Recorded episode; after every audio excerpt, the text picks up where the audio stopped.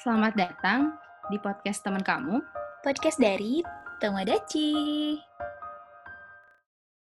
Ya, Oke, selamat pagi, selamat siang, selamat sore, selamat malam ini uh, Tomodachi yang lagi ngedengerin kapan pun dan di mana pun ya, uh, hmm. yang lagi dengerin episode 7 dari uh, podcast dari Tomodachi yang kita angkat nih tema tentang toxic friendship ya, Din? Benar. Jadi ini kelanjutan dari friendship series kita yang kemarin. Kita udah mulai ngomongin tentang friendship ya, Rin, sebelumnya, dua minggu yang hmm. lalu. Dan ini jadi episode keduanya. Yeay. Hey, dan Ya karena toxic friendship ini bisa jadi hal yang sangat relate. Kan kemarin sempat ngebahas tentang temen yang ada maunya. Jadi kita nyerempet dikit ke bagian itu dan kita judulin namanya toxic friendship. Gimana Din? Gina pernah ngerasain atau kenal nggak ciri-ciri dari toxic friendship ini kayak gimana sih? Kalau pernah ngerasain, aku baru sadar akhir-akhir ini kalau ternyata aku pernah. Aku tuh tipenya, oh, okay. mm -mm, aku tipenya tipe orang yang people pleasing banget, Rin. Mm -hmm. Nah, jadi ya aku kadang-kadang tuh dulu nggak sadar kalau misalkan ternyata aku tuh diinjek-injek sama orang karena aku merasa ya udahlah orang kan beda-beda apa karakternya ada gitu cara pandang hidupnya jadi aku harus mengalah intinya gitu itu prinsip hidupku. Dalam artian aku harus menjaga harmoni tapi ternyata ternyata tuh ada karakteristik dari uh, toxic friend yang bisa kita kenalin. Terus akhir ini aku baca banyak-banyak dan aku kayak loh ternyata ini aku pernah ngalamin di masa lalu gitu Oh, oke, menarik menarik menarik. Hmm. Emang apa aja tuh ciri-cirinya supaya kita sama-sama kenal nih dan tercegah dari toxic friend ini? Nah, tercegah dari toxic friend dan tidak menjadi toxic friend gitu ya. Benar sih, benar. Benar, benar, benar. Uh, jadi ini aku coba perangkum dari beberapa sources. Banyak sih, banyak sources yang bilang kayak ya trace-nya ada 10, 11, ada yang cuma bilang 3 hmm. dan lain-lain. Jadi aku ambil yang paling common aja, yang semua source itu sebutin gitu. Jadi dari hmm. pertama-pertama banget itu you sense something is wrong waktu temenan sama dia. Hmm. Pertama-tama kita tanya dulu diri kita, kita nyaman gak sih sama orang ini? Dari situ dulu, Rin. Karena hmm. ternyata our yeah. body, badan kita, pikiran kita, dan hati kita itu benar-benar sensitif buat tahu kalau misalkan ada sesuatu yang tidak baik sedang terjadi waktu kita ngebangun relationship sama orang.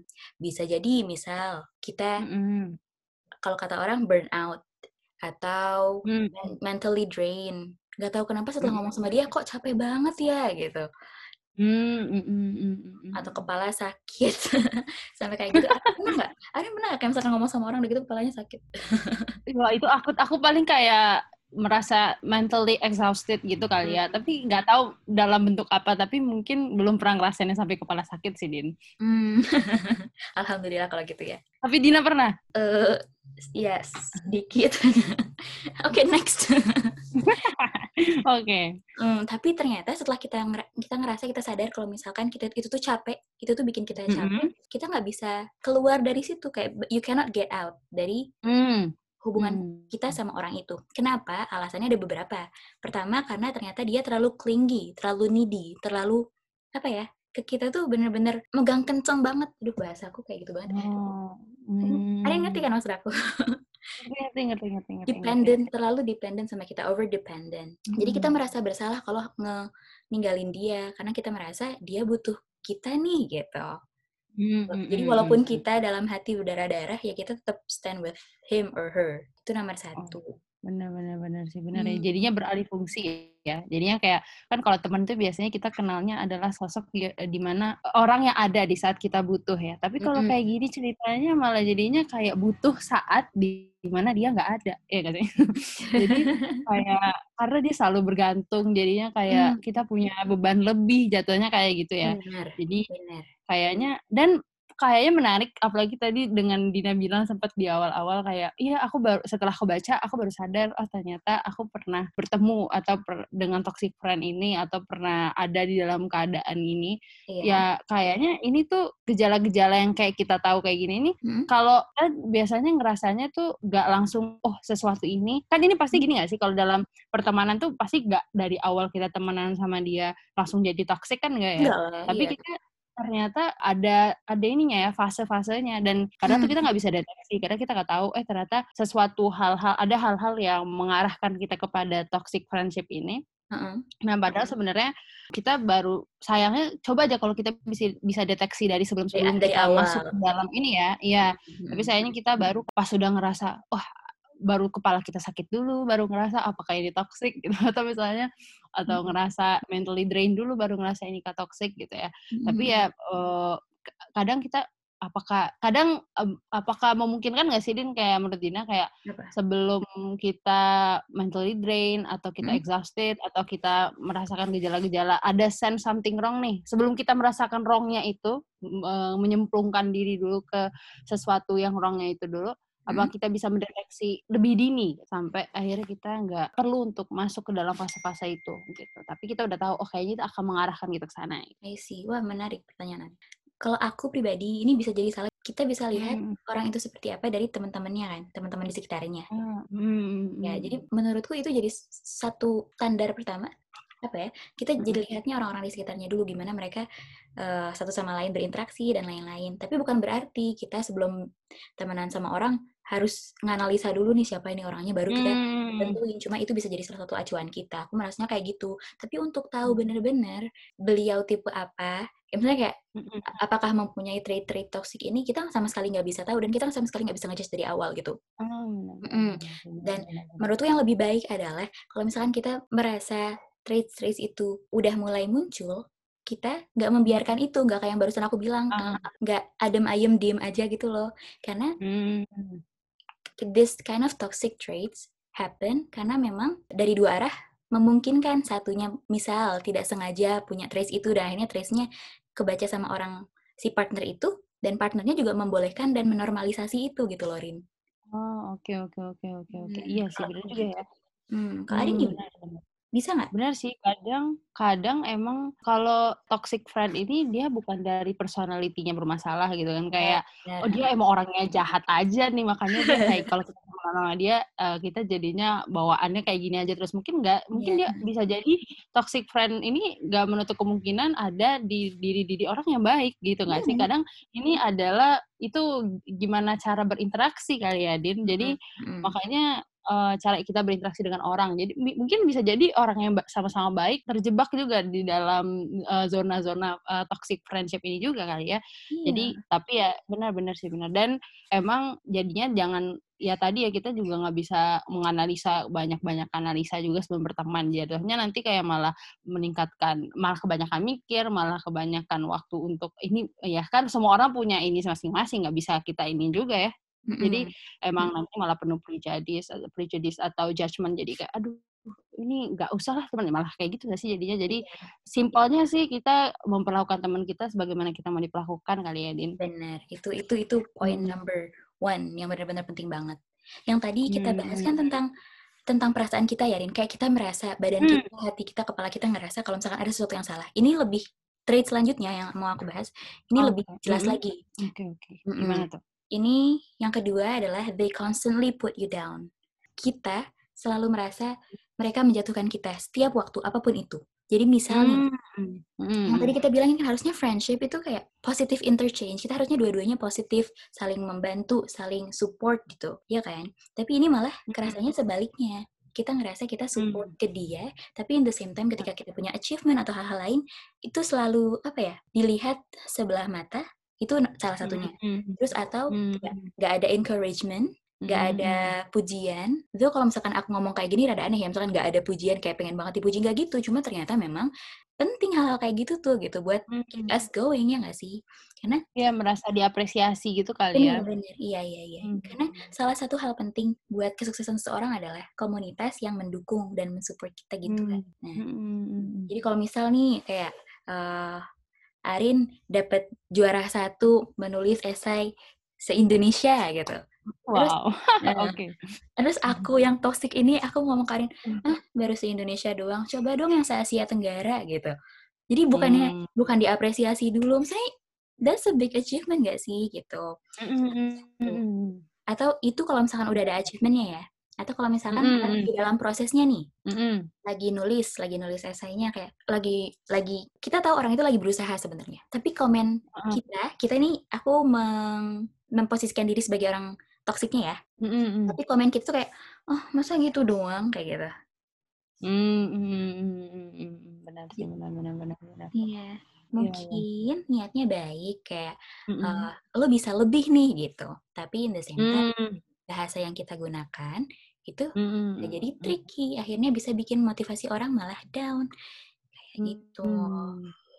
Benar Mhm. benar benar benar benar benar benar benar. Tapi ya, eee, satu poin yang aku nggak setuju, ya jangan sampai Dina jadi toxic friend. Aku nggak setuju lah Dina toxic friend, iya. Karena karena selama ini menurutku juga sih, Mhm. eee, foundation dari pertemanan itu kan adalah trust sama support ya, sama benar. mirip-mirip lah sama yang Dina jelasin juga. Mhm, dan, mmm, gimana apalagi dengan cerita Dina tadi tuh, gimana kalau baru kayak gitu aja nih, baru hal-hal yang kayak gitu, baru kecil lah itu, baru lomba, baru apa, mereka nggak mau mendukung gitu ya. Mhm. Dan ini kan biasa kan jadinya kalau, lomba aja nggak dukung, ya gimana gitu loh dengan hal-hal yang besar yang lain, atau bahkan itu tuh apalagi ya, kita tahu ya teman ini adalah orang yang ada dalam keseharian kita tuh ya biasanya orang yang kita ingat di saat kita lagi seneng nih, oh kita mau ngasih tahu dia gitu. Meskipun terpisah jarak, tapi paling setidaknya kita kepengen lah kayak berbagi kesenangan atau kayak menumpahkan kesedihan kalau lagi bete atau lagi males tuh atau Iya. lagi down itu biasanya bisa di dia gitu. Nah Kadang ini baru dapat nilai bagus mhm, malah dibikin down. Jadi nanti, eee, selanjutnya ini baru menulis doang ya tadi yang aku bilang, belum lagi nanti achievement-achievement yang 5 tahun mendatang, apalagi yang akan terjadi selanjutnya gitu kan. Apalagi kan Iya. pertemanannya pasti long term ya. Nah, apalagi meskipun nih kalau temennya bilang ya itu tadi bener banget kata bahasa, eee, terkait dengan bahasa atau cara penyampaian tadi ya. Ya meskipun ya mungkin temennya ngerasa, ah cuman segitu doang usahanya, mungkin emang ada benernya, tapi setidaknya, eee, ya diba dibangun dengan bahasa yang lebih baik, disampaikan Iya. dengan ya dengan cara yang lebih enak juga gitu ya, biar Mhm komunikasinya mhm. sama-sama enak. Dan kalaupun temen-temennya kalau temen kalaupun temennya ada salah, biasanya kadang yang toxic itu yang yang suka diba kayak orang yang suka bikin mental down itu kadang hal-hal yang udah kejadian lama, terus diungkit-ungkit Diungkit-ungkit. lagi. Nah. Mmm, nah itu tuh kadang di saat mereka buat kesalahan nggak dibahas, tapi nanti kalau ada sesuatu hal gitu nanti dibahas lagi. Nah kayaknya kalau kayak gini kan enaknya juga ini ya, Iya. diba dibangun sih komunikasi yang baik sebenarnya, nggak sih?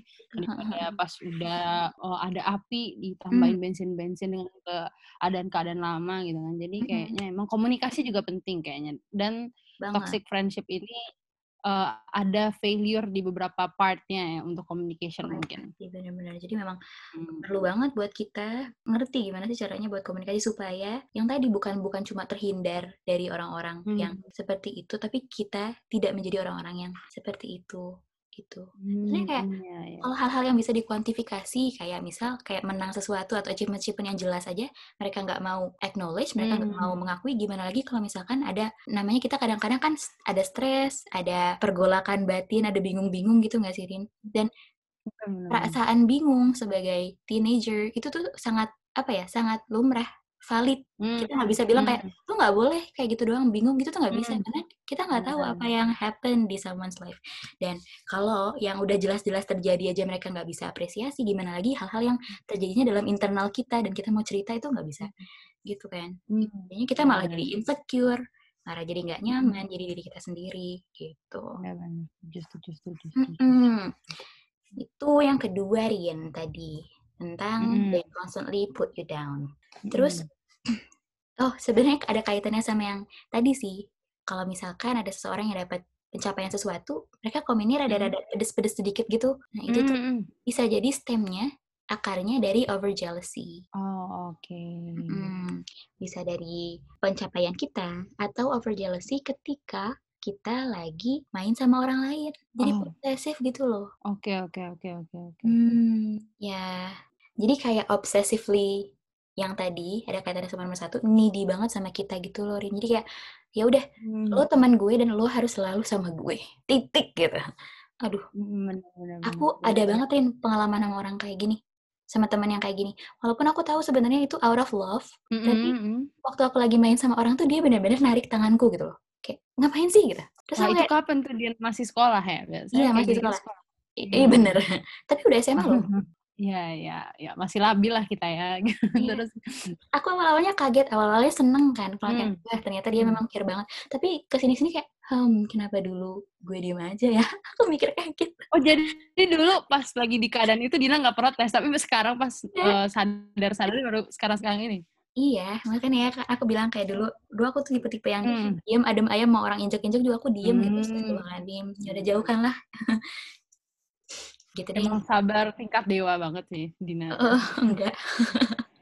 Tapi iya sih bener. Uh, dan emang kan biasanya kalau kita tadi over jealousy itu kan biasanya kayak ya internal lebih kayak hal-hal yang berkecamuk di dalam hati orang itu kan. Nah, nah uh, yang berpikiran-pikiran berputar, berputar-putar di, di dia itu sih orang yang jealous ini gitu. Mm -hmm. Dan selain tadi aku bilang trust juga support. Nah, hmm. menurutku pertemanan itu bisa langgeng itu karena empati juga sih. Empatinya uh. uh, jalan gitu. Iya. Kayak kan kalau ada empati sama simpati beda ya. Kalau empati kan lebih kayak merasakan eh sesuatu orang tuh kayak orang lagi sedih apalagi senang tuh kita tahu gitu kayak I feel you banget lah gitu. Nah, tapi kalau simpati lebih kayak kalau orang berduka, eh kita turut berduka cita gitu.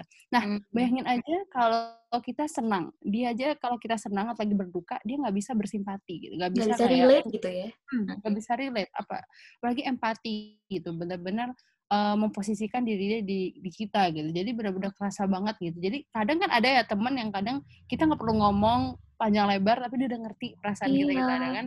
Nah, iya dan jadinya patut dipertanyakan lagi dipertanyakan lagi sih sebenarnya ini konstruktif uh, membangun kita apa justru malah menghancurkan kita bukan menghancurkan sih kayak malah mengganggu kita gitu. Tapi balik lagi sih tadi emang bisa jadi ini kan bisa bisa terjadi ke siapa aja dan bukan yeah. kayak nggak orangnya baik apa enggak ini bisa jadi di kita yang menyebabkan itu secara tidak sadar mungkin bisa jadi kan. Karena kan perasaan-perasaan yang dalam dalam kita tuh terjadi secara tidak sadar alamiah gitu. Nggak kita sengajakan kita ya mungkin jealousy itu mungkin ada kali ya di setiap orang. Mungkin ada oh iya. kepikiran ada lah gitu. Tapi bagaimana orang dealing with the feeling itu kayak dealing dengan jealousy itu mungkin ada yang merasa membesar-besarkannya ya diekspresikannya dengan cara itu tadi gitu. Posesif benar juga balik lagi kan dia coba kalau dia bisa memposisikan dirinya di teman dia gitu yeah. atau posisi teman kita kalau kita ngerasa teman kita senang kalau dia punya teman lain gitu ya udah berarti dia nggak harus posesif gitu kan yeah. tapi ya bisa jadi ya itu tadi posesif ini juga hal-hal yang ada di internal kita ya jadi kadang hmm. kita bisa jadi nggak ngerasa kalau kita posesif bisa jadi ya gak sih jadi hmm, benar harus hmm. sama-sama menghindar dan sama-sama refleksi sih Iya, yeah, it's really funny karena tadi Arin bilang kan bisa jadi positifnya bisa dari internal. Yang dari pengalamanku itu, Rin, kayak semua hmm. orang tuh tahu, semua orang bisa ngelihat, tapi aku yang tidak memvalidasi itu.